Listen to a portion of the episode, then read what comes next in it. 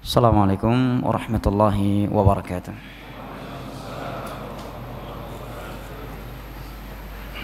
الحمد لله الحمد لله الذي أرسل رسوله بالهدى ودين الحق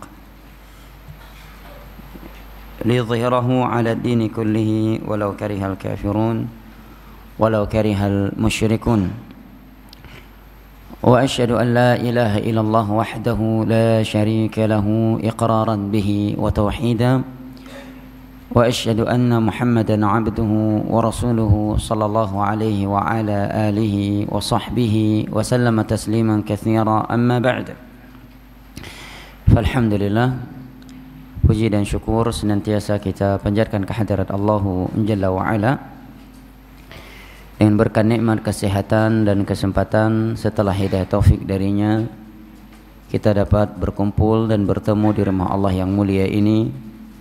Dan kita memohon kepadanya sebagaimana Allah telah mengumpulkan kita di rumahnya yang mulia ini pada kesempatan yang mulia ini agar kembali mengumpulkan kita di dalam syurga firdausnya di hari kiamat kala amin ya rabbal alamin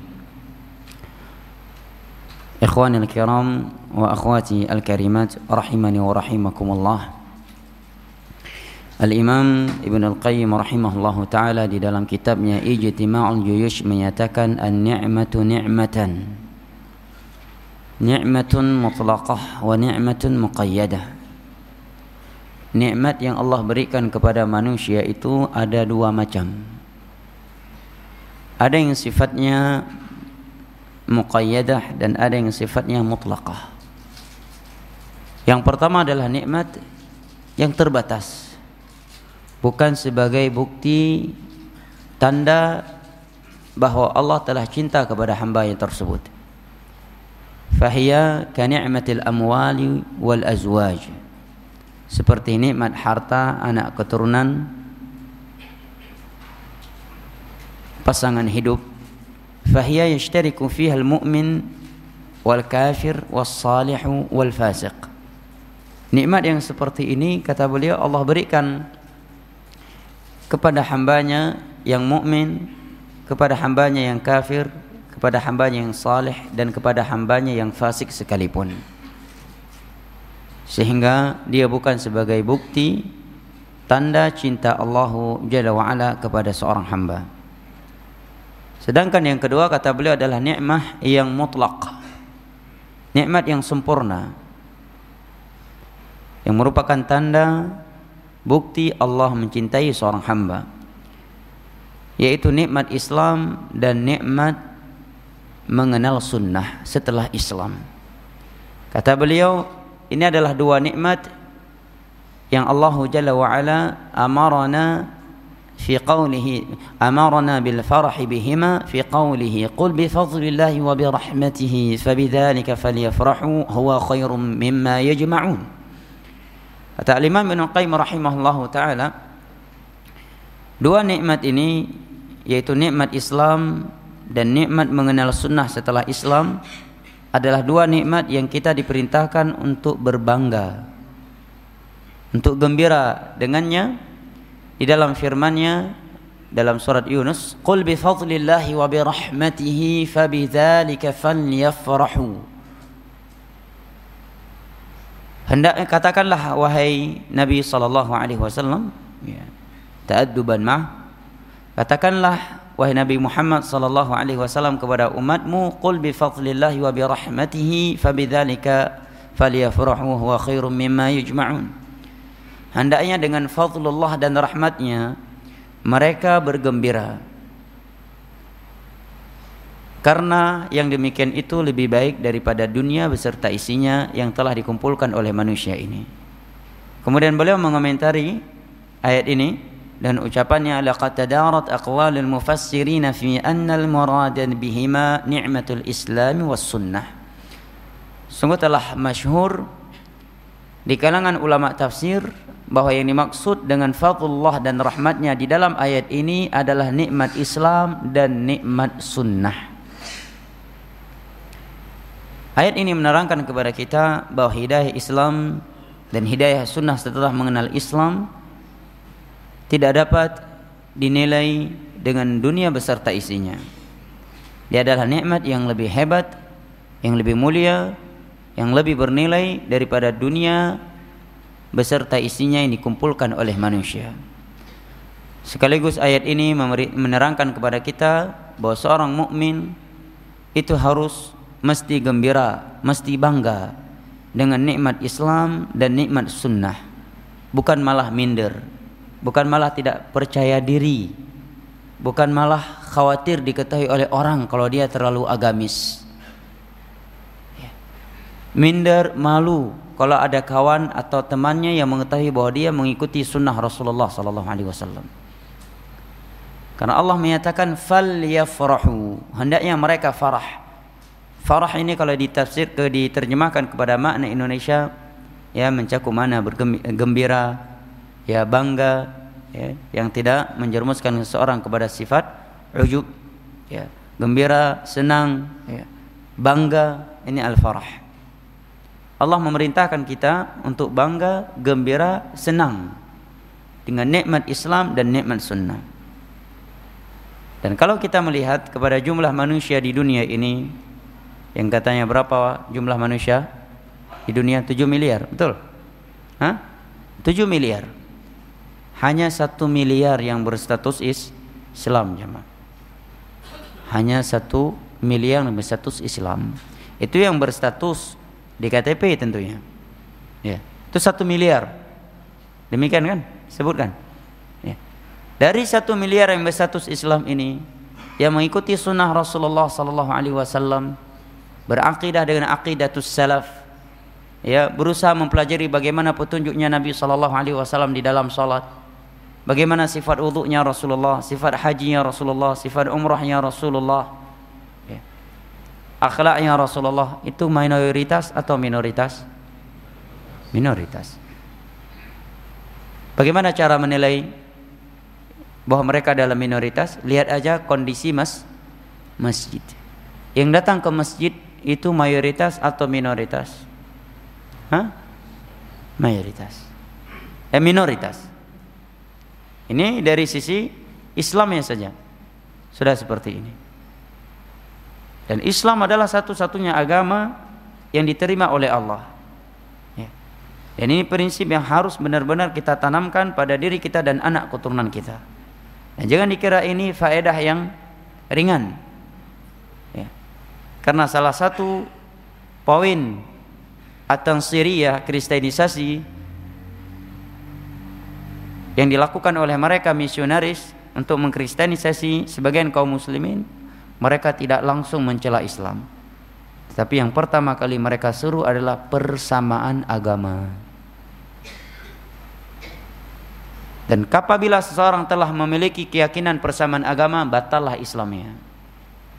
Karena para ulama menyebutkan salah satu dari pembatal Islam adalah meyakini di sana ada agama yang setara dengan Islam. Setelah Nabi wasallam dibangkit diutus oleh Allah sebagai nabi wa rasula. Walaupun di KTP-nya dia masih berstatus Islam. Walaupun dia beribadah.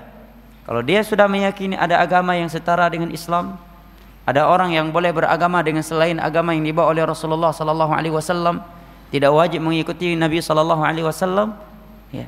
maka Allah menyatakan wa man yabtaghi ghairal islami dina fala yuqbala minhu wa huwa fil akhirati minal khasirin dan barang siapa yang mencari selain Islam sebagai agama yang dia anut maka Allah tidak akan menerimanya. Dan kelak dia akan menjadi orang-orang yang merugi. Inna dina indallahil islam diriwayatkan oleh Imam Muslim dari sahabat Abu Hurairah radhiyallahu an, Nabi sallallahu alaihi wasallam bersabda, "Ma min yahudiyyin walladhi nafsi biyadihi, ma min yahudiyyin wala nasraniyyin yasma'u bi thumma la yu'minu bi illa kana min ashabin nar." Demi Allah yang jiwaku berada di tangannya, tidaklah ada seorang Yahudi atau Nasrani yang telah mendengar aku diutus kemudian dia tidak beriman kepadaku, maka dia dari penduduk api neraka. Juga dalam riwayat Al-Imam Al-Bukhari dari Abdullah bin Umar radhiyallahu anhuma. Nabi sallallahu alaihi wasallam bersabda, "Lau kana Musa hayyan lama wasi'ahu illa an yattabi'ani." Andai kata Nabi Musa alaihi salam sekarang hidup, kata Nabi kita sallallahu alaihi wasallam, maka kewajibannya harus mengikuti syariatku. Dan merupakan sebuah akidah, sebuah kaidah di dalam Al-Qur'an bahwa mendustakan seorang rasul itu sama seperti mendustakan seluruh para rasul. Artinya, apabila seseorang beriman kepada sebagian para nabi tetapi dia tidak mau beriman kepada sebagian nabi yang lainnya, maka dia belum dikatakan mukmin. Ini Allah terangkan di dalam banyak ayat Al-Qur'an, di antaranya dalam surat Asy-Syu'ara. Allah berfirman, "Kadzdzabat qaumu Nuhinil mursalin, idz qala lahum akhuhum Nuhun ala tattaqun?" Sesungguhnya kaum Nabi Nuh telah mendustakan seluruh para rasul. Padahal rasul yang pertama kali Allah utus ke bumi setelah Nabi Adam siapa? Nuh alaihissalam. Adapun Idris alaihissalam kata para ulama akidah beliau diutus setelah Nabi Nuh alaihissalam. Sebuah kekeliruan ya, di dalam sejarah menyebutkan Nabi Idris sebelum Nabi Nuh alaihissalam. Ini kekeliruan yang fatal kata Syekh Muhammad bin Shalih Al-Utsaimin dalam Syarah Al-Arba'in. Karena Allah berfirman inna ya, auhayna ilaika kama auhayna ila Nuhi wan nabiyyina min ba'di. Dalam surat An-Nisa. Dan juga dalam riwayat Imam Muslim dari Abu Hurairah radhiyallahu an tentang syafaatul uzma pada hari kiamat di padang mahsyar. Bahwa manusia mendatangi Nabi Nuh alaihi salam setelah mereka mendatangi Nabi Adam, maka mereka menyatakan innaka awwalu rusulin arsalahu Allahu ilal ardh Wahai Nuh alaihi salam, Nabi memberitakan bahwa manusia kepada Nabi Nuh di padang mahsyar, engkau adalah rasul yang pertama kali Allah utus ke permukaan bumi. Ini dalil yang cukup jelas. Artinya yang pertama kali diutus ke permukaan bumi setelah terjadinya kesyirik, kesyirikan. Dan setelah Nabi Adam. Dan datang riwayat dari Abdullah bin Abbas radhiyallahu anhuma bahwa jarak antara Nabi Adam dengan Nabi Nuh alaihi salam dalam Sahih Bukhari adalah asyaratu qurun 10 abad. Ya alias berapa tahun? 1000 tahun. Jelas ya ma dan ini prinsip yang sangat dasar. Dan nampak ini pembahasan ini penting ketika ada orang-orang yang kita lihat termakan dengan syubhat misionaris sehingga dia memiliki keyakinan persamaan agama apa gunanya dia salat? Apa gunanya dia zakat, dia haji, dia umrah? Kalau keyakinannya sudah seperti seperti itu jemaah. Dan tidak sedikit orang-orang yang termakan dengan syubhat yang seperti itu. Mungkin kalau kita sedang berada di dalam masjid kurang menyadari besarnya pemahaman yang demikian. Besarnya nikmat memahami prinsip tersebut. Tapi ketika kita berada di tempat-tempat yang kita melihat kebodohan merajalela di tempat tersebut ya tidak sedikit orang-orang yang berbicara bahkan terkadang mungkin sebagian mereka dianggap sebagai seorang yang intelek memiliki akidah bahkan yang lebih parah lagi mungkin ditokohkan di dalam agama ini memiliki akidah wihdatul adiyan padahal sangat-sangat jelas dalam Al-Quran Allah menyatakan inna dina indallahi islam Allah menyatakan wa may yabtaghi ghairal islami dinan fala yuqbala minhu wa huwa fil akhirati minal khasirin. Innal ladzina kafaru min ahli alkitabi wal musyrikin fi nari jahannam, ya kan? Khalidina fiha ulaika hum syarrul bariyah. Hadis Nabi tadi juga juga sangat sangat jelas. Ma min yahudiyyin wala nasraniyyin thumma yasma'u bi la yu'minu bi thumma la yu'minu bi illa kana min ashabin nar. Tidaklah ada seorang Yahudi atau Nasara yang telah mendengar aku diutus sebagai rasul, sebagai nabi. Kemudian dia tidak beriman kepadaku, melainkan dia dari penghuni neraka Allah. Lakum dinukum waliyadin. Walaupun tentunya dari sisi muamalah Islam telah mengajarkan kepada kita bagaimana tata cara bersosial, bermuamalah dengan umat manusia dari selain agama Islam yang telah dicontohkan oleh Rasulullah ketika beliau di Mekah 13 tahun dan ketika beliau di Madinah 10 tahun dan juga ucapan-ucapan beliau yang lainnya dari hadis-hadis Nabi sallallahu alaihi wasallam. Ini nikmat Islam ya jemaah, nikmat yang sangat besar. Karena agama Islam adalah agama yang telah Allah sempurnakan. Al-yauma akmaltu lakum dinakum.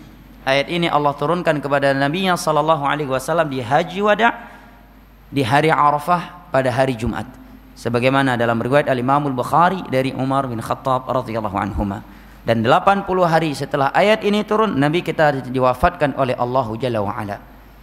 Ini disebutkan oleh beberapa para sahabat Nabi.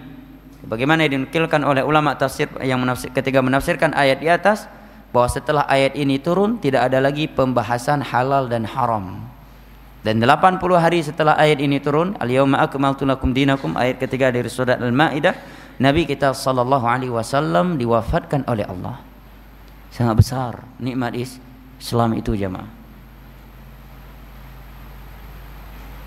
Dan jangan kita merasa aman akan mati dalam keadaan Islam jemaah. Jangan kita merasa akan tetap kokoh di atas Islam ini ketika kita melihat ada orang yang menyembah kayu, menyembah patung dan yang semisal dengannya. Sesungguhnya Nabi Ibrahim alaihissalam, beliaulah yang menghancurkan patung-patung berhala-berhala besar yang disembah selain Allah di masa beliau dan beliaulah yang berdoa Rabbi junubni wa junubni wa baniya an na'budal asnam Ya Allah dan jauhkanlah aku dan anak keturunanku dari perbuatan syirik menyembah berhala-berhala tersebut. Pada beliau yang menghancurkannya. Sehingga kata Syekh Muhammad bin Abdul Wahab At-Tamimi An-Najdi dalam kitab tauhid setelah beliau membawakan ayat di atas beliau menyatakan faman ya'manul bala ba'da Ibrahim Adakah yang merasa aman dari kemurtadan, dari kekufuran, dari kesyirikan setelah Nabi Ibrahim? Kalau kita merasa aman berarti kita lebih hebat dari Nabi Ibrahim dengan tanda kutip. Jelas ya? Kalau kita merasa aman, kita bisa merasa aman dari kesyirikan, dari kekufuran, dari menyembah berhala, berarti kita lebih pandai daripada Nabi Ibrahim alaihi salam dengan tanda kutip. Jelas ya? ya. Ini nikmat Islam jemaah. Kemudian tidak kalah besarnya dengan nikmat Islam ini adalah nikmat sunnah.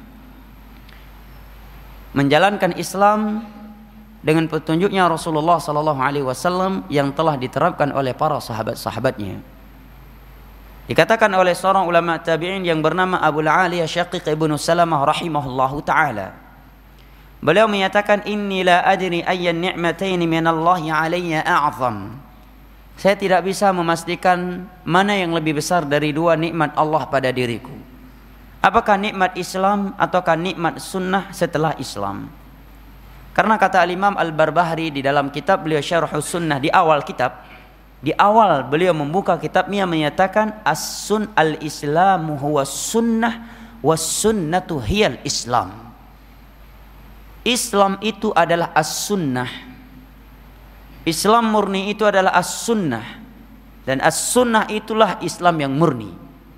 Apa itu as-sunnah? Al-Imam Ibn Rajab dalam kitabnya Jami'ul Ulum wal Hikam menyatakan sunnah itu adalah jalan yang telah ditempuh oleh Rasulullah sallallahu alaihi wasallam dalam dan para sahabatnya dalam beragama.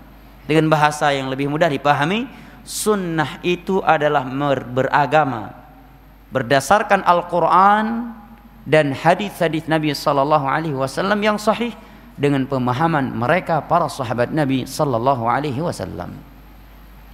Kata Imam Al-Barbahari, al-Islam huwa sunnah wa sunnatu hiyal Islam. Islam yang murni itu adalah as-sunnah dan as-sunnah itulah Islam yang murni. Dan ini nikmat yang sangat besar, terlebih lagi bagi orang yang hidup di akhir zaman. Sehingga kata Al-Imam Abu Aliyah tadi di atas, berarti sampai-sampai tidak bisa menunjukkan mana yang lebih besar antara dua nikmat ini. Apakah nikmat Islam ataukah nikmat sunnah setelah mengenal Islam? Betapa banyak orang yang berstatus Islam beragama Islam, bertulis Islam di KTP-nya. Tetapi dia dan dia sholat, yang itu merupakan syiar Islam. Tetapi tata caranya, tata cara sholatnya mungkin jangankan ya, 100%, 50% pun tidak sesuai dengan sifat sholat Nabi Sallallahu Alaihi Wasallam. Umrohnya, hajinya, ya. dan seterusnya dari syiar-syiar Islam. Bahkan ada hal-hal yang itu dianggap sebagai syiar Islam. Tapi sama sekali sebenarnya itu sama sekali bukan bagian dari Islam sedikit. Ya. Sehingga Abu Aliyah mengingatkan kepada kita akan besarnya nikmat sunnah setelah Islam itu. Dan Al-Imam Ibn Qayyim rahimahullah ta'ala tadi menyatakan bahawa ini maksud oleh Allah dengan firman-Nya. Qul bi fadlillahi wa bi rahmatihi fabidzalika falyafrahu huwa khairum mimma yajma'un. Katakanlah wahai Nabi Muhammad bahwa dengan fadlullah dan rahmatnya hendaknya mereka farah, gembira, bangga, senang karena itu lebih baik daripada dunia yang dikumpulkan oleh manusia. Kata beliau laqad tadarat aqwalul mufassirin fi anna al-murad bihima ni'matul Islam was sunnah. Bahwa telah masyhur di kalangan ahli tafsir bahwa ini maksud dengan fadlullah dan rahmatnya dalam ayat ini adalah nikmat Islam dan nikmat sunnah. Di dalam sebuah asar yang sahih dalam riwayat At-Tirmidzi dari sahabat uh, Abu Musa Al-Asy'ari radhiyallahu anhu ucapan beliau tetapi memiliki hukum marfu' Beliau menyatakan innallaha yu'ti dunya man yuhibbu wa man la yuhib. Wa la yu'ti ad-din illa man yuhib.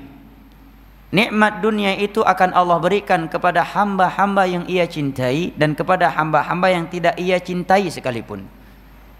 Adapun nikmat agama Nikmat mengenal sunnah ini, nikmat menjaga salat lima waktu berjamaah, nikmat membaca Al-Quran, nikmat salat tahajud, nikmat memiliki istri yang salihah, yang taat kepada Allah dan Rasulnya, nikmat memiliki anak-anak, penyejuk, mat, penyejuk mata hati kita karena taatnya mereka kepada Allah dan Rasulnya, nikmat memiliki sahabat-sahabat yang saleh yang senantiasa mengingatkan kita kepada Allah, nikmat pekerjaan yang halal, Nikmat dunia itu kata beliau la yu'ti wa la yu'ti ad-din illa man yuhib. Adapun nikmat agama tidak akan pernah Allah berikan kecuali kepada hamba-hamba yang ia cintai semata.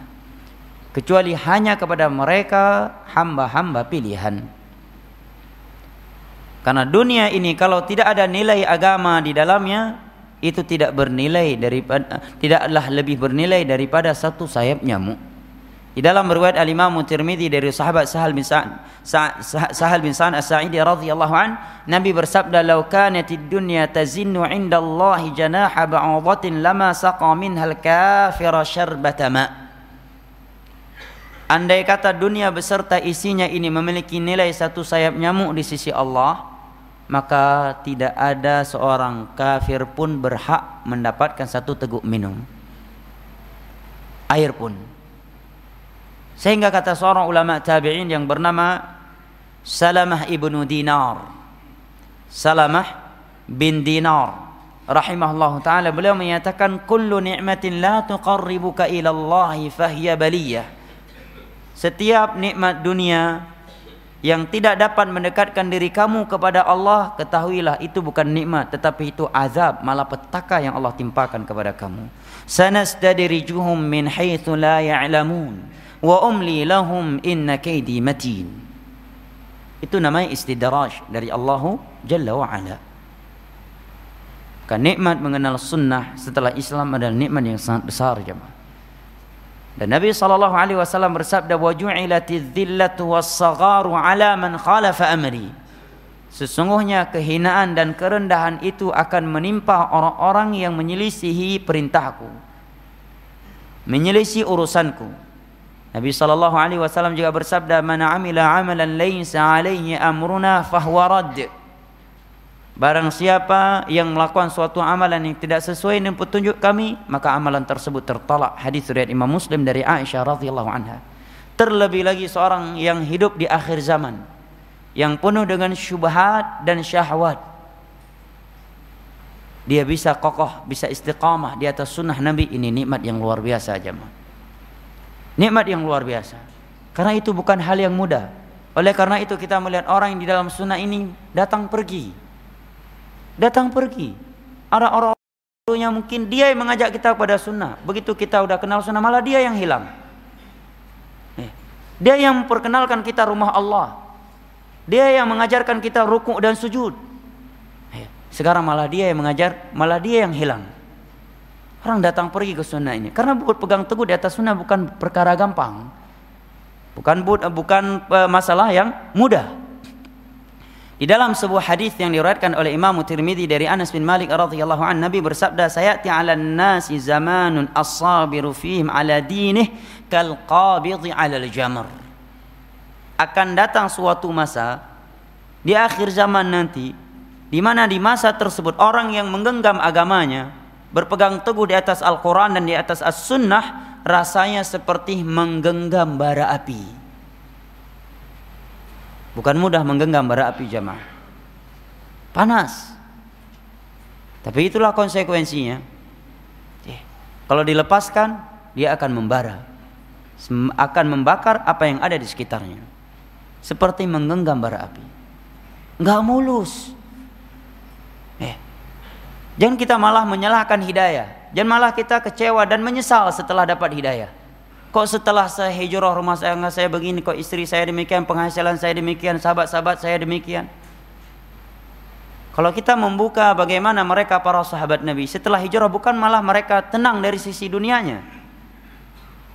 Tapi kita bisa melihat di dalam surat Ali Imran. Di akhir-akhir surat Ali Imran Allah menerangkan sifat mereka, kondisi mereka setelah hijrah. Allah Subhanahu wa taala menyebutkan bahwa mereka walladzina hajaru fi sabilillahi ya, dan mereka orang-orang hijrah di jalan Allah Allah Subhanahu Allah Subhanahu wa taala menyatakan wa ukhriju min diyarihim wa udhu fi sabili wa qutilu. Mereka diusir dari daerah-daerah mereka bukan sekedar diusir dari rumahnya. Ya apalagi diusir di rumah mertua bisa ngontrak. Ya ini diusir dari daerahnya setelah diusir disakiti lagi ya, disakiti, disiksa, wa qutiluhu dan mereka ada yang dibunuh setelah hijrah. Yang malah kita mengeluh setelah hijrah kok pendapatan saya berkurang. Alhamdulillah berkurang tapi bersih. Ya. Alhamdulillah berkurang tapi bertambah akhiratnya. Yang tadinya kita paling tidak mampu sholat tahajud sekarang masya Allah sekali tidak sholat tahajud sekali absen tahajud merasa bersalah walaupun itu salah sunnah Kenapa? Karena Allah telah menanamkan cinta dalam hati kita terhadap ibadahnya. Karena kita telah merasakan kenyamanan, ketentraman dengan ibadah kepada Allah Jalla tersebut. Kemudian Nabi menyatakan bahwa lil amilil wahidi minhum ajru khamsina rajula.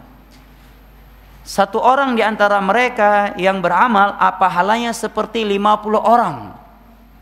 Siapa ini? Orang yang menggenggam agama ini seperti menggenggam bara api di akhir zaman. Pahala ibadah dia itu menyamai 50 orang. Maka para sahabat bertanya, 50 orang perbandingan mereka atau 50 orang perbandingan dari kami? Maka Nabi menyatakan bal minkum, bahkan perbandingan 50 orang dari kalian.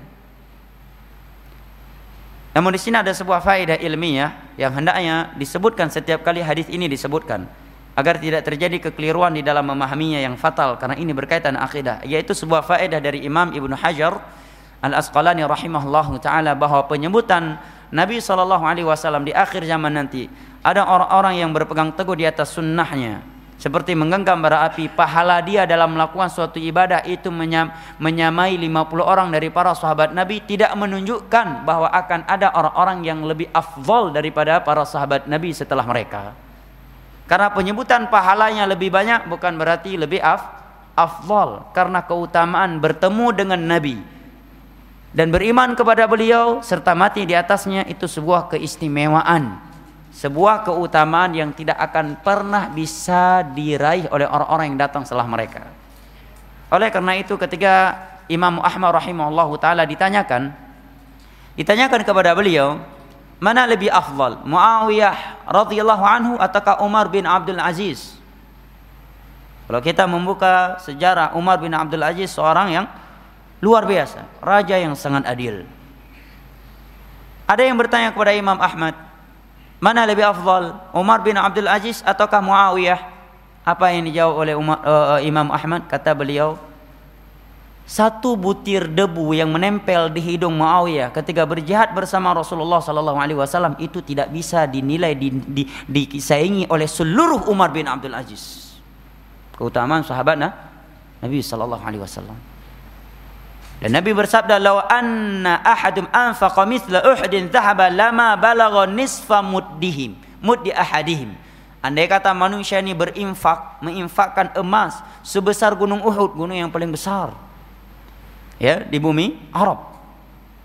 Itu belum menyamai setengah mud emas yang diinfakkan oleh para sahabat Nabi. Satu mud itu arba'atu amdad. Ya, afan. Mud itu uh, dua genggam dua telapak tangan orang Arab yang dewasa normal. Itu satu mud. Satu sok empat empat mud. Para sahabat menginfakkan satu genggam mud dari ya emas ataukah dari apa saja. Ya. Itu tidak bisa kita saingi dengan kita infakkan emas satu gunung Uhud jemaah.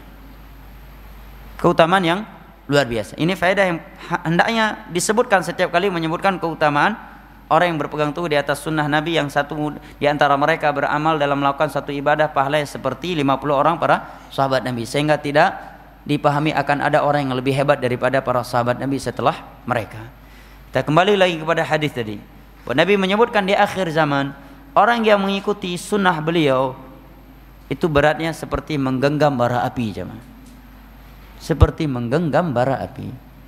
Demikianlah dibaratkan oleh Rasulullah sallallahu alaihi wasallam.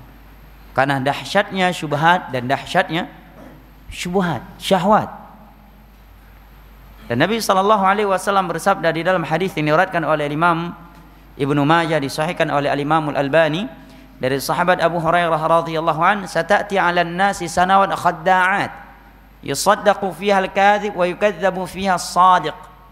ويؤتمن فيها الخائن ويخون فيها الأمين ويتكلم فيها الرويبضة قالوا وما الرويبضة يا رسول الله Qala ar-rajulu taffih yatakallam fi amrin ammah. Nabi menyebutkan akan datang suatu zaman nanti suatu masa nanti yang penuh dengan pemutarbalikan fakta. Seorang yang jujur yang benar dikatakan dusta, dikatakan salah. Seorang yang salah, yang dusta dikatakan benar, dikatakan jujur. Seorang yang berkhianat dikatakan seorang yang amanah. Seorang yang amanah dikatakan pengkhianat. Ketika masa sudah seperti itu, kata Nabi Ruwaibidah banyak berbicara. Ini dua hal yang selalu bertemu. Kondisi masa sudah seperti itu, maka yang banyak berbicara di saat itu adalah Ar-Ruwaibidah. Ia lebih dipakai, lebih terkenal. Ya. Lebih populer Siapakah Ruwaibidah itu? Tanya para sahabat Nabi. Maka Nabi langsung menjawabnya. Sehingga tidak perlu tafsir dari kita. Nabi langsung menjawab, siapa itu Ruwaibidah? Ar-rajulu tafih yatakallam fi amril ammah. Ada seorang yang tafih. Tafih kata ulama yang mensyarah hadis ini adalah hakir.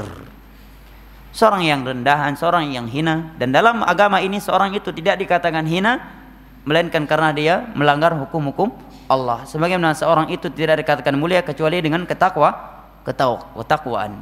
Dan sumber takwa adalah ilmu. Artinya dia bodoh. Bukan toh orang yang layak ditokohkan dalam agama. Karena tidak memiliki dasar ilmu yang kuat. Tetapi berbicara urusan-urusan umum, urusan-urusan besar kaum muslimin. Dan masalah agama semuanya adalah masalah besar. Karena berbicara masalah agama berarti berbicara terhadap seluruh terhadap apa yang diyakini dan diikuti oleh seluruh kaum muslimin yang ada di dunia ini. Karena Islam itu univer, universal.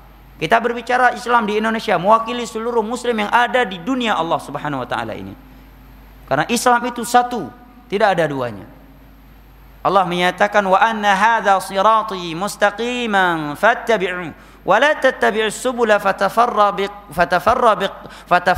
bikum an sabili dzalikum wasaqum bihi la'allakum tattaqun Inilah satu-satunya jalanku yang lurus ikutilah oleh kalian jangan kalian mengikuti jalan-jalan yang banyak yang akan memecah belahkan kalian dari jalan Allah yang lurus ini kondisi akhir zaman kata Nabi penuh dengan pemutarkan pemutar balikan fakta yang benar dikatakan salah yang salah dikatakan benar yang jujur dikatakan dusta yang amanah dikatakan pengkhianat, pengkhianat dikatakan amanah. Ketika kondisi aman ya, uh, masa sudah seperti itu, kata Nabi si Ruwaibidah yang banyak berbicara. Apalagi di masa sekarang. Kalau dia banyak apa istilah anak muda, forwardnya, Banyak yang forward yang udah jadi mufti online dia. Yang tidak berkantor. Jadi mufti online dia. Yeah. Kalah Imam Ahmad fatwanya. Ya. Yeah. Seakan-akan dia Ahmad bin Hambal Facebooker. Yeah. Kalah Imam Al-Bukhari seakan-akan. Dan berbicara sesukanya. Kenapa? Karena forwardnya ribuan. Yang nge-like dia luar biasa. Dan punya jamaah audien berjuta-juta. Sehingga kalau ditanya asal jawab saja. Tidak lagi memperhatikan yang saya jawab ini sesuai enggak dengan Al-Quran dan hadis. Karena yang namanya hukum Allah itu kan hak murni Allah kan. Hak paten. Hukum yang sudah paten. Harus kita sampaikan sebagaimana yang telah tertulis dalam Al-Quran dan hadis tidak boleh kita ubah-ubah mengikuti keinginan audien. Masalah orang mau mengamalkannya ataukah tidak atau kita sendiri yang belum mengamalkannya itu tidak bisa dijadikan sebagai alasan untuk menyampaikan hukum Allah yang berbeda dengan apa yang Allah terangkan dalam Al-Quran dan hadis. Hukum halal dan haram hak murninya Allah. Harus kita sampaikan sebagaimana adanya. Apakah kita sendiri masih menyelisihinya ataukah mayoritas audien kita belum mengamalkannya? Dan mereka akan berat menyampaikannya akan berat mengamalkannya. Tetap agama Allah harus sampaikan sebagaimana adanya kalau mau disampaikan hal tersebut. Ini menerangkan kepada kita jamaah ini muliakan Allah dahsyatnya kondisi akhir zaman. Nabi sampai-sampai Nabi menyebutkan seperti menggenggam bara api.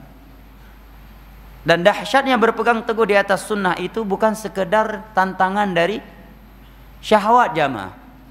Karena rata-rata orang itu nggak dicela kalau dia tidak bermaksiat. Ya, coba lihat ada preman mencela seorang ustadz, nggak ada, ya kan? Nggak ada seorang dia marah kepada seseorang karena orang itu sering ke masjid, nggak ikut berzina bersama dia, nggak ada. Tapi yang lebih sering apa? Ahlu syubhat yang mencela orang yang taat. Karena syubhat yang ada di kepalanya, dia menyalahkan orang yang mengamalkan sunnah Rasulullah dituduh dengan berbagai tuduhan. Terkadang dituduh sebagai Wahabi, kaum radikal, ekstrim, ya. tinggal di Indonesia tapi kok kayak orang di padang pasir katanya. Padahal di Arab aja padang pasir udah hampir habis katanya. Alhamdulillah. Celaan, berbagai celaan, berbagai perendahan, bahkan berbagai syubhat. Hal-hal yang itu zaman salaf ulama sepakat itu pemahaman yang menyimpang bertentangan dengan Al-Quran dan hadis di akhir zaman itu dinilai sebagai bentuk pembelaan terhadap Islam seperti paham Khawarij. Sepakat di zaman para sahabat, para tabiin, tabiun, tabiin, empat imam madhab. Dan yang datang setelah mereka tidak bolehnya menasihati seorang pemimpin secara terang-terangan di atas mimbar-mimbar Jumat, tidak boleh mencela mereka, tidak boleh memberontak kepada mereka. Ayat-ayat hadis-hadisnya sangat banyak dan sangat jelas. Kita bukan sedang membahasnya, tapi tapi sebagai contoh. Tetapi di akhir zaman yang tidak mau mengikutinya dikatakan apa? Antek-antek Yahudi. Antek-antek orang kafir. Ya. Walaupun dia sholat lima waktu berjamaah. Yang nuduh tadi antek-antek Yahudi. Yang menyatakan tadi kita harus bela ini, kita harus bela Al-Quran, kita harus bela Islam. Subuh nggak tahu dia di mana. Kita bilang musafir nggak mungkin musafir. Tadi malam kayak nampak pada insya. Ya, nanti jam 8 pagi nampak safar ke mana? Eh. Kenapa jamaah? Karena syubhat. Makanya Nabi sallallahu alaihi wasallam menyebutkan la tazalu ta'ifatun min ummati zahirin 'ala al-haqqi la yadhurruhum man khalafahum wala man khadalahum hatta ya'ti amrullah wa hum kadzalik. Hadis mutawatir, riwayat Bukhari, Muslim, Tirmidzi, Abu Dawud yang lain-lainnya datang dari sekian para sahabat Nabi. Akan senantiasa ada segelintir kecil dari umatku yang zahirin alal menampakkan kebenaran. Perhatikan bahasa Nabi. Nabi tidak sekedar menyatakan mereka tahu kebenaran dan mengamalkannya. Tetapi Nabi menyatakan mereka menampakkan kebenaran. Enggak malu-malu ada orang kalau di depan ya komunitas sunnah yang di dalam masjid kita yang harus istiqomah di atas sunnah Memang sunnah itu seperti menggenggam bara api. Dalam masjid ngomong iya gitu. Begitu keluar masjid seakan-akan bukan dia tadi yang duduk dalam masjid. Paham ya? Baru sedikit diuji langsung lembek dia. Jatuh dia. Langsung dia tinggalkan sunnah Nabi. Terpaksa akhir. Terpaksa apanya? Kamu yang memilihnya. Tidak ada yang meletakkan senjata di atas kepalamu. Kamu jatuh ke zina. Siapa yang maksa? Ya. Kamu jatuh ke dalam perbuatan yang menyimpang tersebut. Hanya apa? Hanya dikarenakan celaan dan pandangan manusia. Makanya Nabi Wasallam menyatakan zahirin alal haq, menampakkan kebenaran. La yadhur man khalafum wala man khadalahum. Tidak membuat mereka goyang karena banyaknya orang yang menyelisih dan mencelanya. Baik dari kalangan ahli syahwan atau ke ahli syubhat. Sampai datang keputusan Allah dan mereka masih seperti itu. Sampai datang kematian dan mereka masih seperti itu. Maka istiqamah di atas Al-Quran dan As-Sunnah itu sangatlah penting jamaah. Karena Allah berfirman innal ladzina qalu rabbuna Allah tsumma istaqamu tatanazzalu alaihimul malaikatu alla takhafu wa la tahzanu wa abshiru bil jannati allati kuntum tu'adun. Nahnu awliya'ukum fid dunya wa fil akhirah. Sesungguhnya orang-orang yang menyatakan Rabb kami adalah Allah dan menyatakan iman kepada Allah konsekuensinya mengikuti Al-Qur'an dan as-sunnah karena Allah menyatakan ayah sabul insanu ayutraka sudah apakah manusia itu mengira akan dibiarkan begitu saja maksudnya kata Imam Syafi'i tanpa perintah dan tanpa larangan dan Allah menyatakan Ya ayyuhalladzina amanu ittabi'u ma unzila ilaikum min rabbikum. Ikutilah apa yang telah diturunkan dari Rabb kalian kepada kalian. Yang Allah turunkan adalah Al-Qur'an sebagai wahyunya dan hadis-hadis Nabi sallallahu alaihi wasallam. Nabi menyatakan bahwa mereka adalah orang-orang yang ketika kematian itu datang mereka masih istiqamah di atasnya. Maka orang-orang yang seperti ini Allah sebutkan lagi dalam ayatnya dalam surah Fusilat orang-orang yang menyatakan Rabb kami adalah Allah kemudian mereka istiqamah akan turun kepada mereka malaikat-malaikat Allah. Imam Ibnu Katsir menyebutkan beberapa ulama tafsir yang lain ini menjelang kematian. Malaikat-malaikat akan menemaninya, menghiburnya sehingga dia tidak takut, dia tidak gelisah. Malaikat-malaikat tersebut menyatakan kepadanya, engkau tidak usah takut terhadap apa yang akan terjadi dan engkau tidak usah bersedih terhadap apa yang telah berlalu. Berbahagialah engkau dengan surga yang telah dijanjikan kepadamu.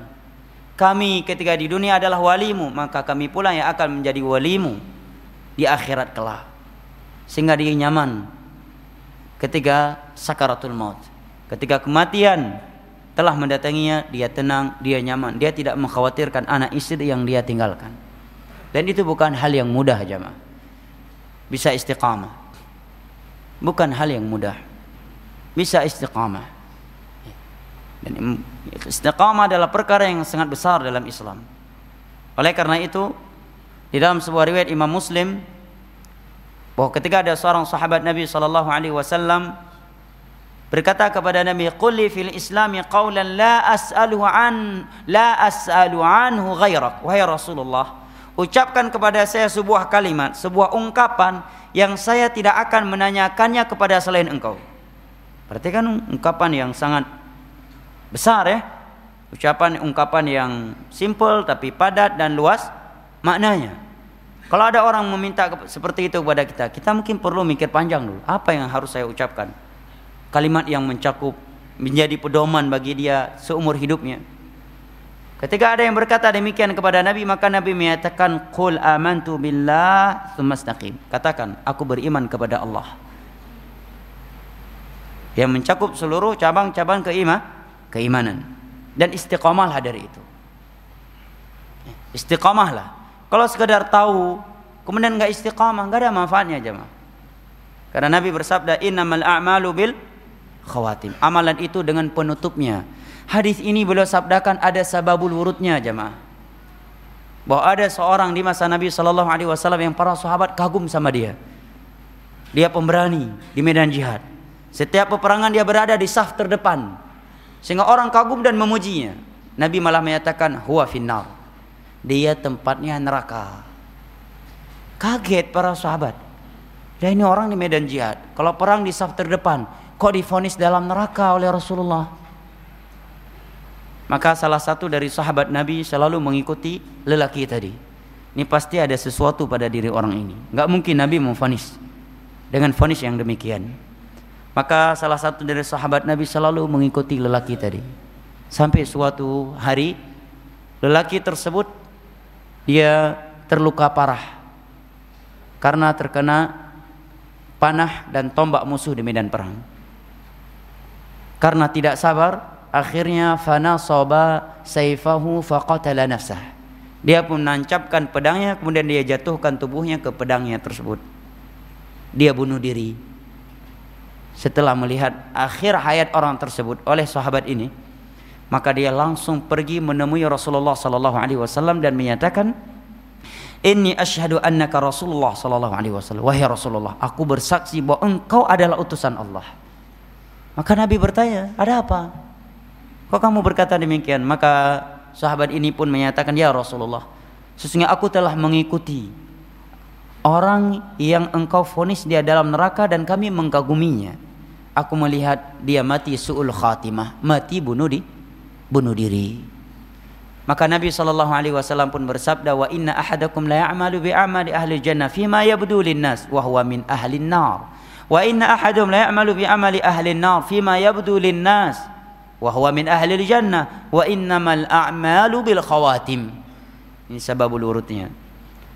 Terkadang sebagian mereka dinilai sebagai penduduk surga Allah, padahal dia penduduk neraka Allah.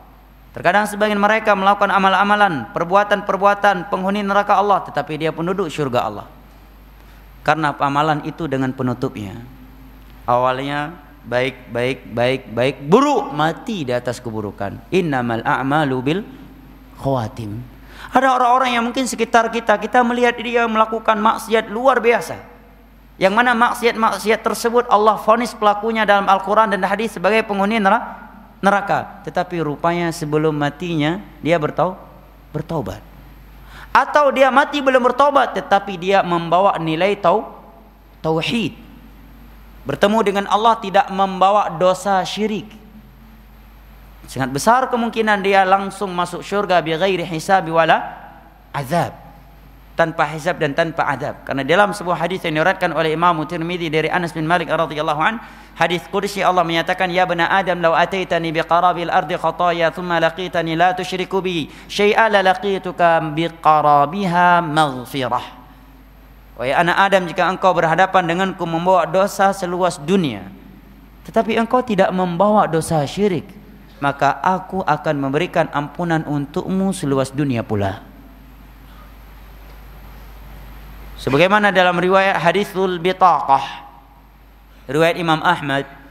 Ada seorang di hari kiamat menghadap kepada Allah memiliki dosa 99 gulungan. Setiap gulungannya berisi dosa maddal basar. Sejauh mata memandang. Bagaimana berarti dosanya? Sejauh mata memandang jemaah. Dosanya. Dan semuanya ada 99 gulungan. Setiap gulungannya berisi dosa sejauh mata memandang rupanya 99 gulungan ini menjadi ya, uh, terampuni di sisi Allah, diampuni oleh Allah Jalla wa ala karena satu kartu yang dia miliki berisi tauhid, la ilaha illallah. Mati tidak membawa dosa syirik. Dan siapa yang bisa menjamin dirinya itu mati tidak membawa dosa syirik? Sedangkan Nabi Ibrahim saja mengkhawatirkan dirinya itu ke dalam syirik dan Nabi mengkhawatirkan syirik kepada umatnya. Ya. Istiqamah jamaah adalah perkara yang sangat besar. Lihat tadi di masa Nabi orang dikagumi, di masa para sahabat yang mengagumi dia jamaah. Berarti kan hebat sekali. Bukan sekedar jamaah pengajian mana ini? Kalibata. Anurullah yang mengagumi dia bukan. Yang mengkagumi dia para sahabat Nabi. Mati su'ul khatimah. Hah? Bukan orang biasa yang mengagumi dia. Mati su'ul khatimah. Dan Nabi memfonis dia sebelum mati tempatnya neraka. Juga dalam riwayat Imam Muslim ada seorang yang tadinya dia katibul wahyi. seorang yang mencatat wahyu yang turun kepada Nabi sallallahu alaihi wasallam. Setelah itu dia menuduh Nabi bahwa Nabi mengambil wahyu Al-Qur'an itu hasil dari dia. Maka ketika dia mati jamaah dikubur oleh kaumnya, mayatnya nggak diterima oleh bumi Allah, terdampar kembali, tercampakkan keluar kuburannya. Esok harinya dikubur lagi. Campak lagi keluar kuburannya sampai tiga kali. Maka mereka pun tahu bahwa dia ini telah memiliki dosa yang sangat besar. Sebelumnya siapa jamaah? Hah? siapa dia sebelumnya? Yang mencatat wahyu turun kepada Nabi Sallallahu Alaihi Wasallam. Bukan sekedar moderator kajian atau daurah bukan bukan sekedar itu bukan sekedar hadir di majelis paling depan pencatat wahyu Contoh yang ketiga jemaah. Ubaidullah bin Jahshin. Siapa Ubaidullah bin Jahshin? Dapat hadiah minyak wangi dari saya. Siapa itu Ubaidullah bin Jahshin? Hah? Ada yang tahu? Saya kasih hadiah minyak wangi. Minyak wanginya dari Mekah nih. Ya? Saya bukan promosi minyak wangi ya, saya nggak jualan minyak wangi. Tidak di sini dan tidak di luar. Nah, ini botolnya gede nih. Jamaah. Asli. Kurang fasih ya, asli.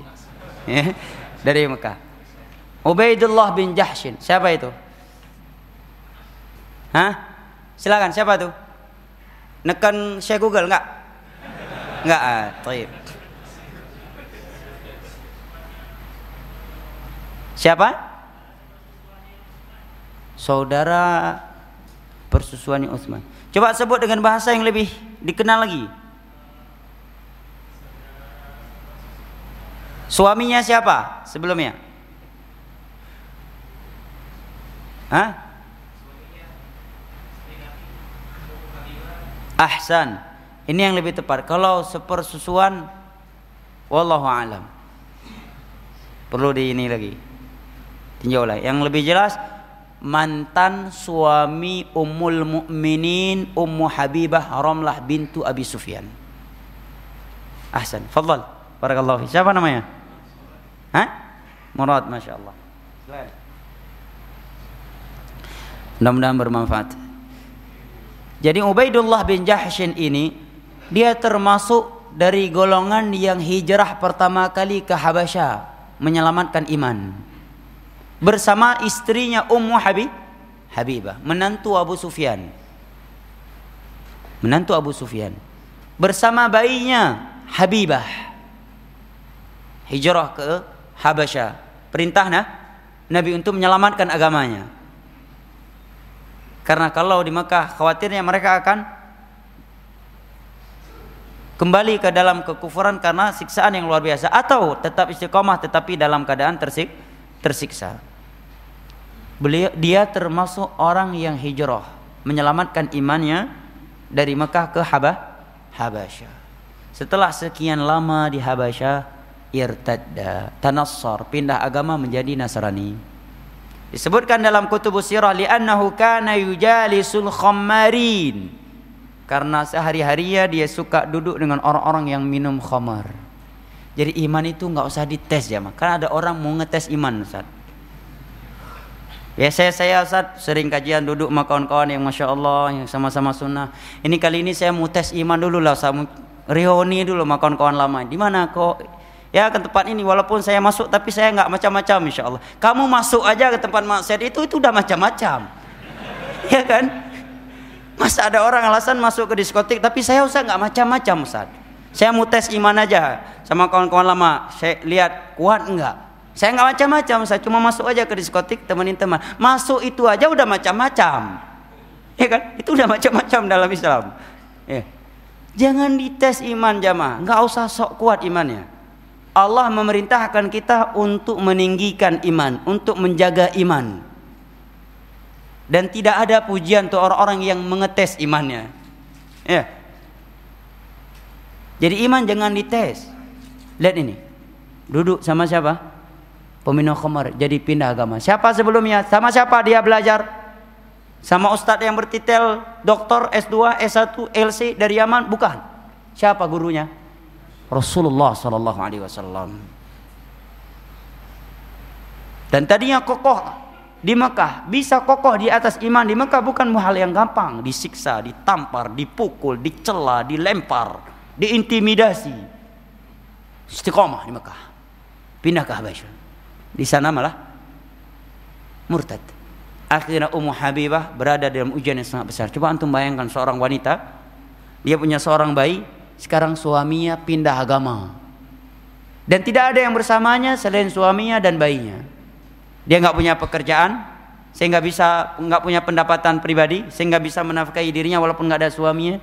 Tentunya orang yang seperti ini hanya di depannya hanya ada tiga pilih pilihan. Pilihan yang pertama dan ketiga-tiganya berat. Pilihan yang pertama beliau kembali lagi ke Mekah sehingga beliau bisa makan dan minum di bawah nafkah keluarga besarnya Abu Sufyan dan keluarganya. Tetapi konsekuensinya juga tidak kalah besarnya akan disiksa, ditampar, dipukul, dicela. Ini tidak beliau pilih. Pilihan yang kedua, beliau ikut pindah agama bersama suaminya. Dan itu yang akan lebih enak dan lebih nyaman dari sisi dun dunia. Karena kalau dia ikut aja suaminya, ya jelas nafkah pekerjaan suaminya yang bekerja. Eh. Ini hal yang mudah bagi dunia, tetapi beliau tidak memilih hal yang ini. Yang ini walaupun beliau digergaji besi. Tetapi beliau memilih yang ketiga dan itu yang paling berat. Itu yang paling berat untuk di dunia, tetapi itu yang paling menguntungkan di akhirat. Apa yang beliau pilih jamaah? Beliau tetap bersabar istiqamah di atas agama dan bertahan di Habasyah. Coba antum bayangkan seorang wanita ya berada di, di negeri rantau di situ nggak ada kerabatnya yang ada hanya saudara-saudara seagama ya. tidak ada kerabatnya tidak ada pendapatan ya. tidak ada penghasilan bulanan ya dan punya tanggung jawab lagi seorang bayi tiba-tiba suami menceraikan dia mengancam dia kamu ikuti saya atau kamu saya cerai begitu kan sama suaminya kira-kira mayoritas wanita milih mana? Hah? Kira-kira suaminya punya duit misalkan, dia nggak punya duit. Kamu saya cerai atau ikut saya? Hah? Saya ikut abang lah kan Nabi bilang taat suami bang. Tapi ini ajak Nasrani deh. Eh, eh. Keluar pula hadisnya. Ya. Keluar pula dalilnya. Cinta saya nggak akan pudar bang, walaupun kamu pindah agama. Itu lebay namanya, bukan cinta. Karena muslimah tidak halal untuk non muslim. Beda halnya yang wanita non muslim dari kalangan ahlul kitab itu halal untuk muslim. Ya. Ini yang beliau pilih jamaah. Padahal konsekuensinya paling be, paling berat. Sampai datang kemudahan dari Allah. Apa itu? Lamaran Nabi kita sallallahu alaihi wasallam yang beliau wakilkan kepada Najasyi. Maka Raja Najasyi melamar Romlah bintu Abi Sufyan untuk Rasulullah sallallahu alaihi wasallam dengan mahar hadiah dari Raja Najasyi. Berapa jamaah? 400 dinar. Berapa uang 400 dinar? 20 dinar itu kan 8, 80 gram. Itu 20 dinar. Berarti kalau 400 dinar Berapa gram emas? Satu kilo setengah. Hah? Satu kilo setengah maharnya. Itu besar di masa itu ya. Sangat besar. Dan dari uh, kejadian tersebut bahwa orang seseorang itu boleh mewakilkan lamaran untuk dirinya kepada orang yang dia percaya, kepada yang percaya, yang jujur. Ya, jangan kepada orang yang nggak amanah. Dia lihat wah nilainya 9,5 itu apa? Untuk untuk si fulan untuk diriku aja. Ya kan? Kawan si kawan tapi bab ini ini lain ini. Ya kan? Rupanya pas ijab kabul saya terima pernikahan fulana bintu fulana untuk saya bukan untuk kawannya dia sebutkan. Ya. Boleh diwakilkan. Sekarang antum lagi sekolah di luar negeri. Ini ada bunga desa kalau nggak dilamar bakal diambil sama orang lain Bahkan hilang bisa bertepuk sebelah tangan nanti cintanya. Akhirnya telepon kawan, tolong dong lamar dia untuk saya. Ya ada saksinya, ada wali, ada itu boleh dalam Islam. Mewakilkan lama lamaran. Tapi si yang akan ijab kabul ini dia sebutkan nanti itu bukan untuk diri dirinya, untuk kawannya yang mewakilkan dia. Jelas ya, Ma? Lihat di sini Ummu Habib, Ummu, uh, suaminya Ummu Habibah pindah agama karena pergaulan. Di mana beliau dia belajar sebelumnya? Rasulullah sallallahu alaihi wasallam. Istiqamah jamaah adalah anugerah dari Allah dan itu bukan masalah gampang. Pada dia tadi udah lewat dari sekian ujian besar yang ada di mana? Di Mekah. Malah ketika ada ujian dunia, dia jatuh. Terkadang seorang dia sabar di atas kepahitan, di atas kemiskinan, tetap dia istiqamah di atas agama Allah. Dia tetap sholat lima waktu tepat waktunya, tetap mengaji walaupun dia miskin, walaupun uh, usahanya jatuh. Tetapi ketika diuji dengan Allah bukakan pintu dunia, ini lebih sedikit bisa sabar daripada orang yang diuji dengan kesulitan. Oleh karena itu ada ungkapan dari Ali bin Abi Thalib beliau menyatakan uh, beliau menyatakan ubtulina bidharra fasabarna wa butulina bisarra falam nasbir. Ketika kami diuji dengan kesempitan, kemiskinan, ya, kami bisa bersabar.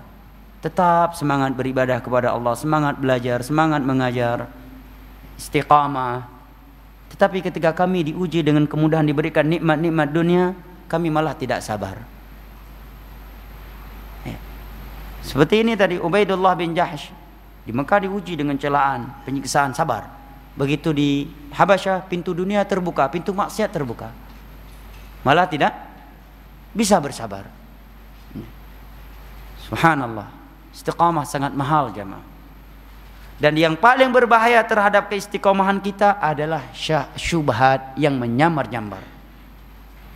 Ini yang paling berbahaya dari sekian hal-hal yang dapat menghilangkan keistiqomahan seseorang.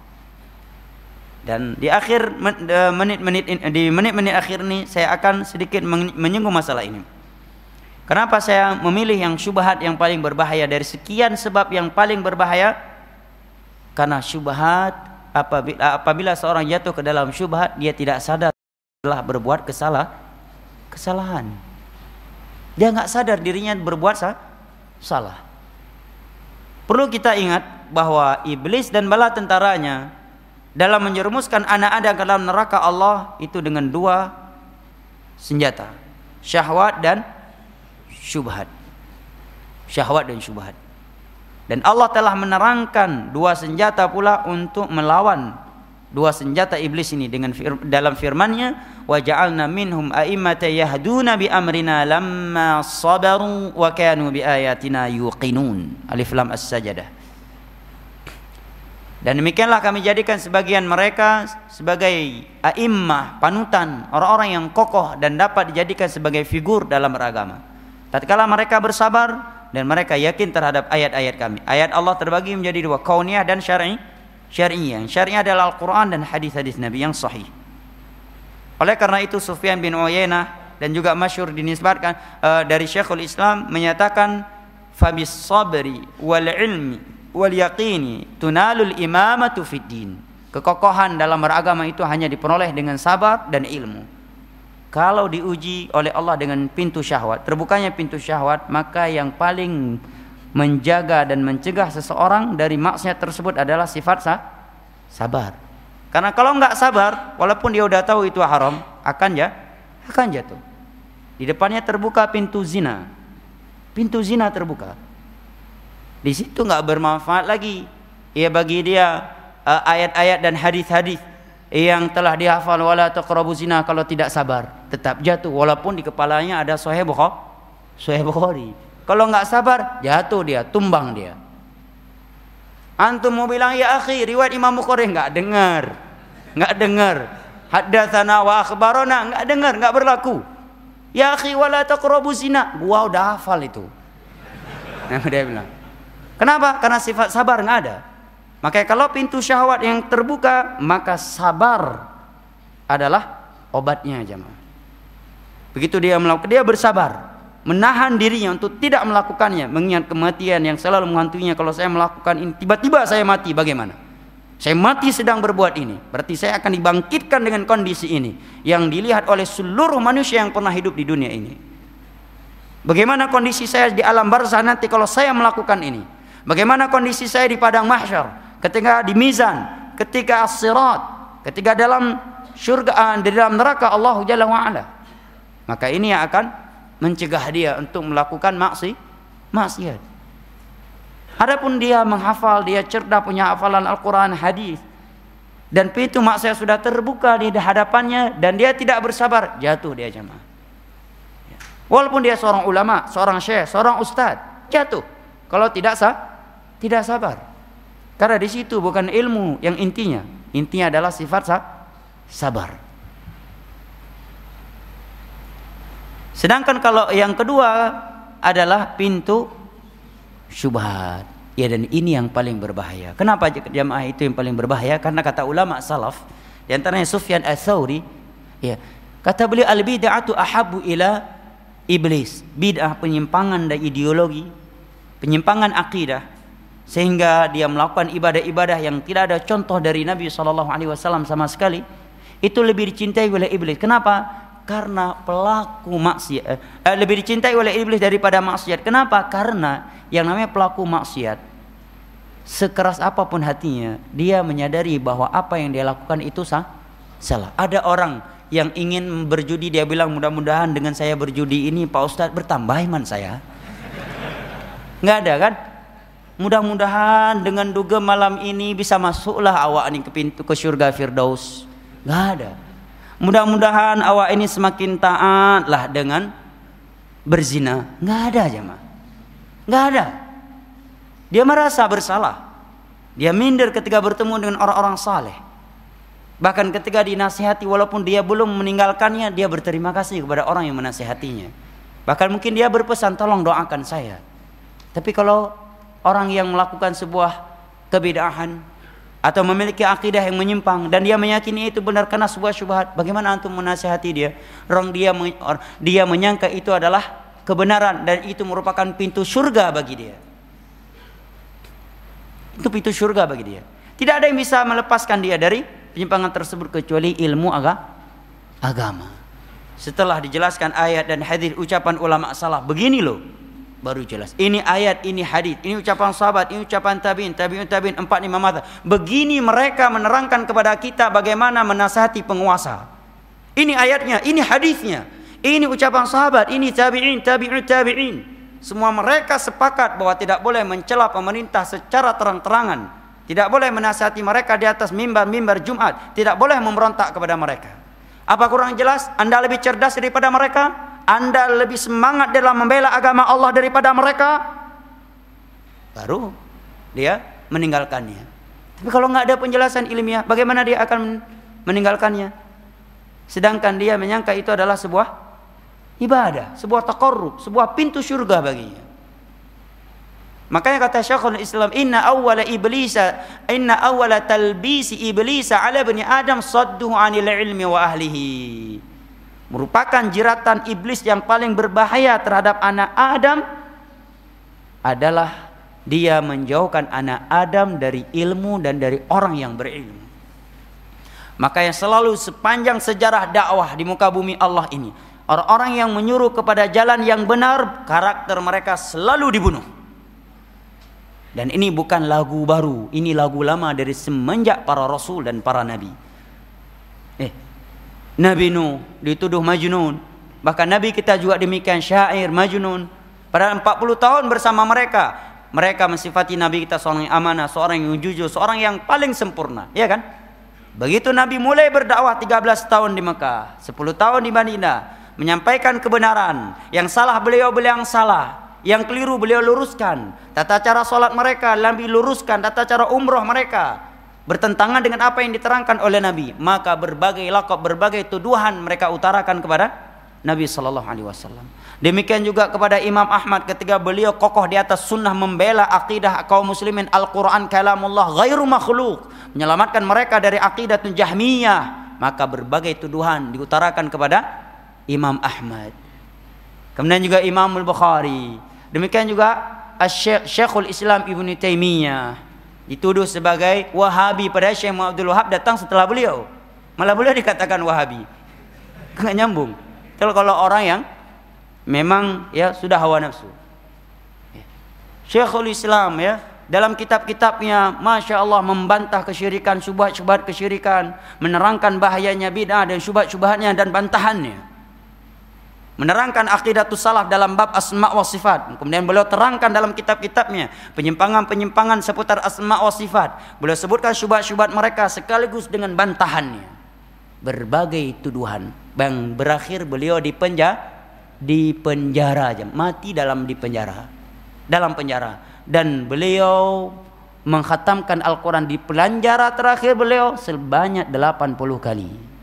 Dan beliau meninggal tatkala membaca firman Allah innal muttaqina fi jannatin wa nahar fi maq'adi sidqin inda malikim muqtadir. Sesungguhnya orang-orang yang bertakwa itu berada di dalam surga dan sungai-sungainya yang mengalir di bawahnya. Di sisi Allah Maharaja lagi Maha Kuat. Begitu sampai di ayat ini beliau meninggal dunia. Dan bahkan sebelum beliau meninggal, ketika uh, sebelum beliau meninggal, orang-orang yang dipenjara bersama beliau dengan kasus-kasus yang lainnya, ketika datang waktu bebas mereka, apa istilahnya? Udah habis masa tahanan ya? Sudah habis masa tahanannya. Mereka mau dibebaskan, mereka nggak mau pulang. Saya mau tetap di penjara aja sama Syekh Islam, mau belajar sama beliau. Jadi pondok pesantren penjara ya. Berbagai tuduhan. Demikian nggak datang Syekh Muhammad bin Abdul Wahab Beliau menyuarakan tauhid, bahayanya perbuatan syirik, bahaya melahap berkah ke tempat-tempat kepada makhluk, mengkeramatkan tempat-tempat tertentu. Beliau babat habis secara ilmiah. Berbagai syubhat mereka beliau jawab sehingga beliau menulis sebuah kitab Kashfus Syubhat, menyingkap syubhat-syubhat para pelaku syirik. Beliau terangkan prinsip-prinsip beragama dengan Al-Quran dan hadis kalau kita membuka kitab-kitab Syekh Abdullah hampir tidak kita dapatkan ucapan beliau. Kitab Tauhid, bab, judul, ayat, hadis, ucapan salaf. Ayat, hadis, ucapan salaf. Ayat, hadis, ucapan salaf. Tidak ada ucapan dari beliau. Berbagai tuduhan diutarakan kepada beliau karena berani menerangkan kebatilan dan membantah syubhat-syubhatnya. Demikian juga Syekh Albani rahimahullah taala ketika beliau menerangkan hadis-hadis dhaif dan hadis-hadis palsu yang digunakan oleh sebagian penceramah yang mana sebagian mereka ketika berceramah menggunakan hadis-hadis dhaif tersebut sampai-sampai mimbar panas berasap yang enggak keluar api dari bawah mimbar. Datang Syalbani terang itu hadis dhaif. Itu hadis maudhu. Bakar jenggotnya, marah dia. Ya, berbagai tuduhan diutarakan kepada Syekh Albani. Bahkan ada yang berani menyatakan Syekh Albani itu enggak paham ilmu hadis dia. Subhanallah pada yang membuka yang membuka fakultas hadis di Universiti Madinah Syekh Albani. Permintaan Syekh Bimbas dan sebaik-baik bukti tentang ilmu seseorang adalah tuli tulisannya. Apalagi tulisan Albani. Berpuluh-puluh jilid. Dan nulisnya nggak pakai Syekh Google tuh bukan dengan laptop tulisan tangan jamaah. Tangan beliau tulis. Baru diketik oleh orang lain. Berbagai tuduhan ke Syekh Albani Demikianlah jemaah. Di akhir akhir zaman. Maka syubhat adalah sesuatu yang paling berbahaya terhadap pemahaman seseorang, terhadap keistiqomahan seseorang dan jangan pernah merasa aman dari syubhat. Jaham bin Sofwan. Siapa Jaham bin Sofwan? Tokoh Jahmiyah yang dikafirkan oleh ulama di masa Imam Ahmad. Karena memiliki akidah Jahmiyah, menolak ayat-ayat si sifat dan hadis-hadis sifat Allah. Dia tolak, tidak dia imani. Itu sebabnya karena dia kena syubhat. Ketika ada yang berkata kepadanya, mana Allah, mana Tuhan? Kalau dia Tuhan nggak bisa diraba, nggak bisa dilihat, nggak bisa didengar. Akhirnya dia mengambil kesimpulan al-hawa. Kalau demikian berarti udara itulah Allah, itulah Tuhan. Kena syubhat ya. Yeah. Amr bin Ubaid, muridnya Hasan al-Basri, seorang yang sangat cerdas. Tapi karena syubhat. Ya. Karena syubhat. Dan sekian lagi. Contohnya lagi Khawarij di masa Uthman jemaah. Bayangkan mereka berharap mengharapkan surga Allah dengan membunuh Uthman. Siapa Uthman jemaah? Menantu Rasulullah sallallahu alaihi wasallam. Beliau telah menikahi dua putrinya nah, Nabi sallallahu alaihi wasallam setelah meninggal yang pertama. Beliau Amirul Mukminin. Beliau termasuk khulafaur termasuk salah satu dari sepuluh orang sahabat Nabi yang dikatakan masuk dalam surga dalam satu waktu yang sama, ya kan? Dibunuh oleh Khawarij. Ali bin Abi Thalib juga demikian dibunuh ketika keluar salat su subuh. Siapa Ali bin Abi Thalib? Sepupunya Rasulullah sallallahu alaihi wasallam. Amirul Mukminin, Khulafa ar-Rasyidin yang keempat dan menantunya Rasulullah sallallahu alaihi wasallam serta ahlul bait. Siapa yang membunuh beliau? Abdurrahman bin Muljam berjenggot juga. Celana cingkrang juga hafiz Al-Qur'an. Menghafal hadis. Ahli salat malam, ahli puasa, ahli ibadah. Abdurrahman bin Muljam mengharapkan surga Allah dengan membunuh Ali bin Abi Thalib. Kenapa jamaah? Syub syubhat tadi. Bayangkan membunuh sahabat Nabi mengharap surga jamaah. Kenapa? Syubhat. Bahkan kalau kita mungkin hidup di masa dan melihat bagaimana pemerintah mengeksekusi Abdurrahman bin Muljim ini, kita mungkin akan mencela pemerintah dan akan membela dia. Kenapa? Karena ketika tangannya dipotong dia tidak menjerit, tak payah berzikir subhanallah, subhanallah. Matanya dicongkel, tak payah masih berzikir subhanallah, subhanallah. Ketika lidahnya mau dipotong, baru dia menjerit. Maka si Al-Gojo berkata, kenapa baru sekarang kamu menjerit? Kenapa nggak dari tadi? Apa yang dia jawab jemaah? Mungkin kalau kita menyaksikannya kita akan histeris sama dia. Kita bisa lebay sama dia. Dia jawab kalau lidah saya dipotong, saya nggak bisa berzikir lagi. Bisa antum katakan orang ini sesat? Gak sanggup kalau pakai perasaan. Tapi kalau kita pakai ilmiah, sesat. Eh dia yang bunuh Ali bin Abi Thalib. Kalau dia nggak sesat, berarti sahabat Utsman dan Ali yang sesat. Kan begitu? Gak mungkin. Berarti dia yang yang sesat. Kalau bukan dia yang sesat, berarti Ali bin Abi Thalib dan Utsman yang sesat. Mungkin. Kalau pakai ilmiah sesat. Kenapa sesat? Dia memberontak. Ayat hadis nggak boleh. Ya, mencela, membunuh Utsman, membunuh Ali bin Abi Thalib menyuruh orang untuk memberontak kepada Ali bin Abi Thalib dengan alasan Ali bin Abi Thalib tidak adil. Tapi kalau mau pakai perasaan nggak sanggup jamaah. Luar biasa ibadahnya. Lihat ini orang membunuh sahabat Nabi mengharap surga jamaah. Bayangkan kita mungkin kalau ada orang bunuh orang lain orang biasa aja kita luar biasa menilainya. Ini sahabat Ali. Ali bin Abi Thalib, Khulafa Rasyidin. Termasuk 10 sahabat yang dijamin masuk syurga. Menantu Nabi, Ahlul Bait dibunuh oleh Abdurrahman bin Muljam, seorang yang ahli ibadah, hafiz Al-Quran. Penampilannya sunnah. Kenapa? Syubhat.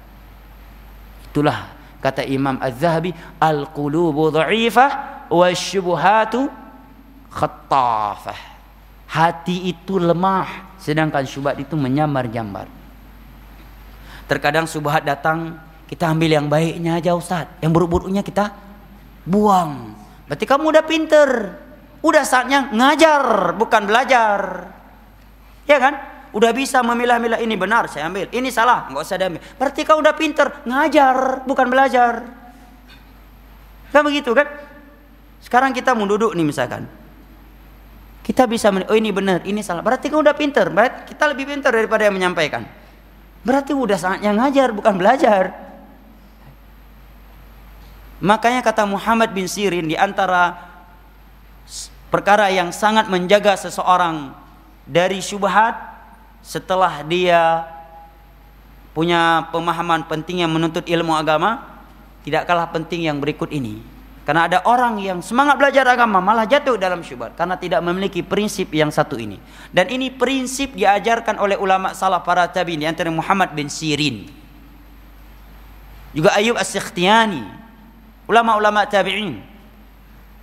Mereka menyatakan unduru min aina ta'khudhu unduru min aina ta inna hadzal ilm din fanduru min aina ta'khudhu dinakum. Ilmu agama ini ilmu yang kalian pelajari ini adalah agama Allah. Maka lihat dari siapa kamu belajar agama Allah itu. Bahkan Ayub As-Sikhtiyani ada orang yang menyampaikan ayat kepadanya, hadis. Beliau tutup telinganya karena dia ahlul bidah. Sampai-sampai dikatakan saya cuma satu hadis, walanis kalimah, walaupun setengah hadis sambil menutup telinganya. Khawatir kena syubhat. Syubhat menyambar. Apa perintah Nabi ketika kita mendapatkan dajjal? Falian an, kan? Kata Nabi barang siapa yang berjumpa dengan dajjal, hendaknya dia menjauh dari dajjal. Dan hendaknya dia membacakan 10 ayat pertama dari surat Al-Kahfi. Suruh jauh. Sesuatu yang membahayakan suruh jauhi oleh Rasulullah. Karena kena syubhat Dajjal yang sangat ngeri. Dia menampakkan syurga yang padahal itu neraka. Neraka dia menampakkan neraka padahal itu syur, syurga dia perintahkan langit turunkan hujan, turun hujan tiba-tiba. Tanah kering kerontang dia perintahkan tumbuh tumbuhan, tumbuh tumbuhan secara tiba-tiba. Dia bunuh seorang anak muda, dia belah kemudian dia hidupkan lagi dengan izin Allah. Kalau orang yang nggak kuat imannya akan menyatakan dia Tuhan. Begitu dia katakan Dajjal Tuhan mati. Su'ul khatimah. Menganggap ada Tuhan selain Allah. Syubhat jemaah. Ketika Nabi Shallallahu Alaihi Wasallam melihat di tangan Umar dalam Sahih Bukhari ada kitab Taurat. Apa kata Nabi? Amutahawikuna antum fiha. Wahai para sahabatku, apakah kalian masih ragu tentang Taurat? Maka Nabi Shallallahu Alaihi Wasallam menyatakan andai kata Musa hidup maka tidak halal bagi kecuali harus ikut kepadaku. Kenapa? Karena Taurat dan Injil setelah Nabi Musa dan Nabi Isa diwafatkan oleh Allah telah diubah ubah sehingga nggak bisa dipastikan yang disampaikan itu benar atau kasar. Salah isi Taurat dan Injil setelah Nabi Musa dan Nabi Isa di dalamnya ada yang benar ada yang sah salah. Makanya Nabi menyatakan jangan langsung kalian benarkan dan jangan langsung kalian dustakan. Bisa jadi yang kalian dustakan itulah benar dan yang kalian benarkan itu adalah dus dusta. Berarti apa? Ada baik, ada apa? Benar. Langsung kata Nabi, jangan. Sudah ada yang lebih jelas yang baik, yang pasti benar. Apa itu? Al-Quran dan hadis. Kalau sudah ada air yang bersih jernih, itu apa cari air yang masih kecampur nah, najis? Tapi bisa dibersihkan Ustaz. Ini air memang kotor tapi bisa dibersihkan dengan alat kimia dan ini. Eh udah ada air yang bersih untuk apa nyari kerjaan? Kan begitu? Ya. Begitulah ilmu agama dipelajari ini orang belajar dari mana ya Al-Quran pemahaman dia terhadap Al-Quran dan hadis siapa gurunya ya kemudian bagaimana kata Syekh Shalal Fauzan dilihat juga bagaimana uh, akibat yang timbul dari pendidikan dia itu juga salah satu menilai seseorang itu uh, maklumat ilmu agama yang dia pelajari itu benar ataukah tidak ini sangat penting jemaah karena syubhat itu seperti Imam Zahabi katakan qulubu dha'ifah wa syubhatu khattafah. Hati itu lemah. Syubhat menyam, menyambar-nyambar. Contoh Abdurrahman bin Muljam. Tadi. Bayangkan orang mengharap surga Allah dengan membunuh sahabat nah, Nabi jamaah. Dan mereka di antara mereka bertobat 3000 dalam satu waktu setelah terjadi diskusi ilmiah dari dengan sahabat Abdullah bin Ab, Abbas. Mereka tinggal di Harura. Abdullah bin Abbas ingin bergegas dengan pakaian yang sangat rapi minta izin kali. Wahai Ali, saya ingin menemui mereka. Ali menyatakan, "Jangan. Saya khawatir nyawa kamu." Karena ada sahabiah yang hamil dikorek bayinya oleh Khawarij di masa Utsman, jemaah. Bayangkan. Seorang wanita hamil lewat di depan Khawarij dikorek bayinya. Dan mereka mengharap surga Allah dengan perbuatan itu. Karena dianggap yang lain murjiah. Dan dianggap yang lain ya telah kafir. Abdullah bin Abbas ingin mendatangi komunitas mereka, dilarang Ali. Jangan, jangan. Saya khawatir nyawa kamu. Kata Abdullah bin Abbas, tidak perlu. Saya berangkat sendirian. Maka Abdullah bin Abbas datang kepada mereka, mendiskusi, menemparkan kepada mereka sekian pertanyaan. Di antaranya, apakah di tengah-tengah kalian ada sahabat Nabi? Artinya, yang bersama Ali, kalian tuduh Ali pemimpin yang tidak baik. Tapi bersama dia sekian para sahabat Nabi. Sedangkan kalian yang mengaku paling baik nggak ada satupun sahabat Nabi bersama kalian. Jadi siapa yang benar? Kalau kalian benar, mungkinkah sahabat Nabi seluruhnya sesat? Karena tidak ada satupun sahabat Nabi bersama kalian. Jadi mikir sebagian mereka. Ya. Akhirnya 3000 orang tobat dalam satu waktu dengan diskusi. Padahal Ali sudah memerangi mereka bertahun-tahun, tidak ada di antara mereka yang bertobat, tidak ada uh, ter, uh, tidak ada dari mereka yang bertobat sebanyak itu dalam satu waktu. Tapi ketika ada ilmu agama, senjata ilmu agama berhadapan dengan mereka, 3000 dalam satu waktu. Ada yang menyebutkan lebih dari 3000. 3000 orang langsung taubat dari pemahaman Khawarij. Karena kekuatan ilmu agama, argumen ilmiah itu adalah senjata paling kuat dalam memahami Khawarij. Dan Khawarij itu tidak akan pernah habis kata Nabi sampai keluar Dajjal di akhir zaman baru Khawarij tidak ada lagi di muka bumi. Dan tidak ada senjata yang lebih kuat di dalam menyelamatkan manusia dari paham Khawarij dari selain senjata ilmu agama. Ali bin Abi Thalib telah memerangi mereka bertahun-tahun. Tidak ada yang di antara mereka bertobat ribuan dalam satu waktu. Begitu datang Abdullah bin Abbas didiskusi sama beliau, syubhat mereka dibantah oleh beliau, langsung tobat 3000 dalam satu waktu. 3000 orang. Nah, wallahu a'lam.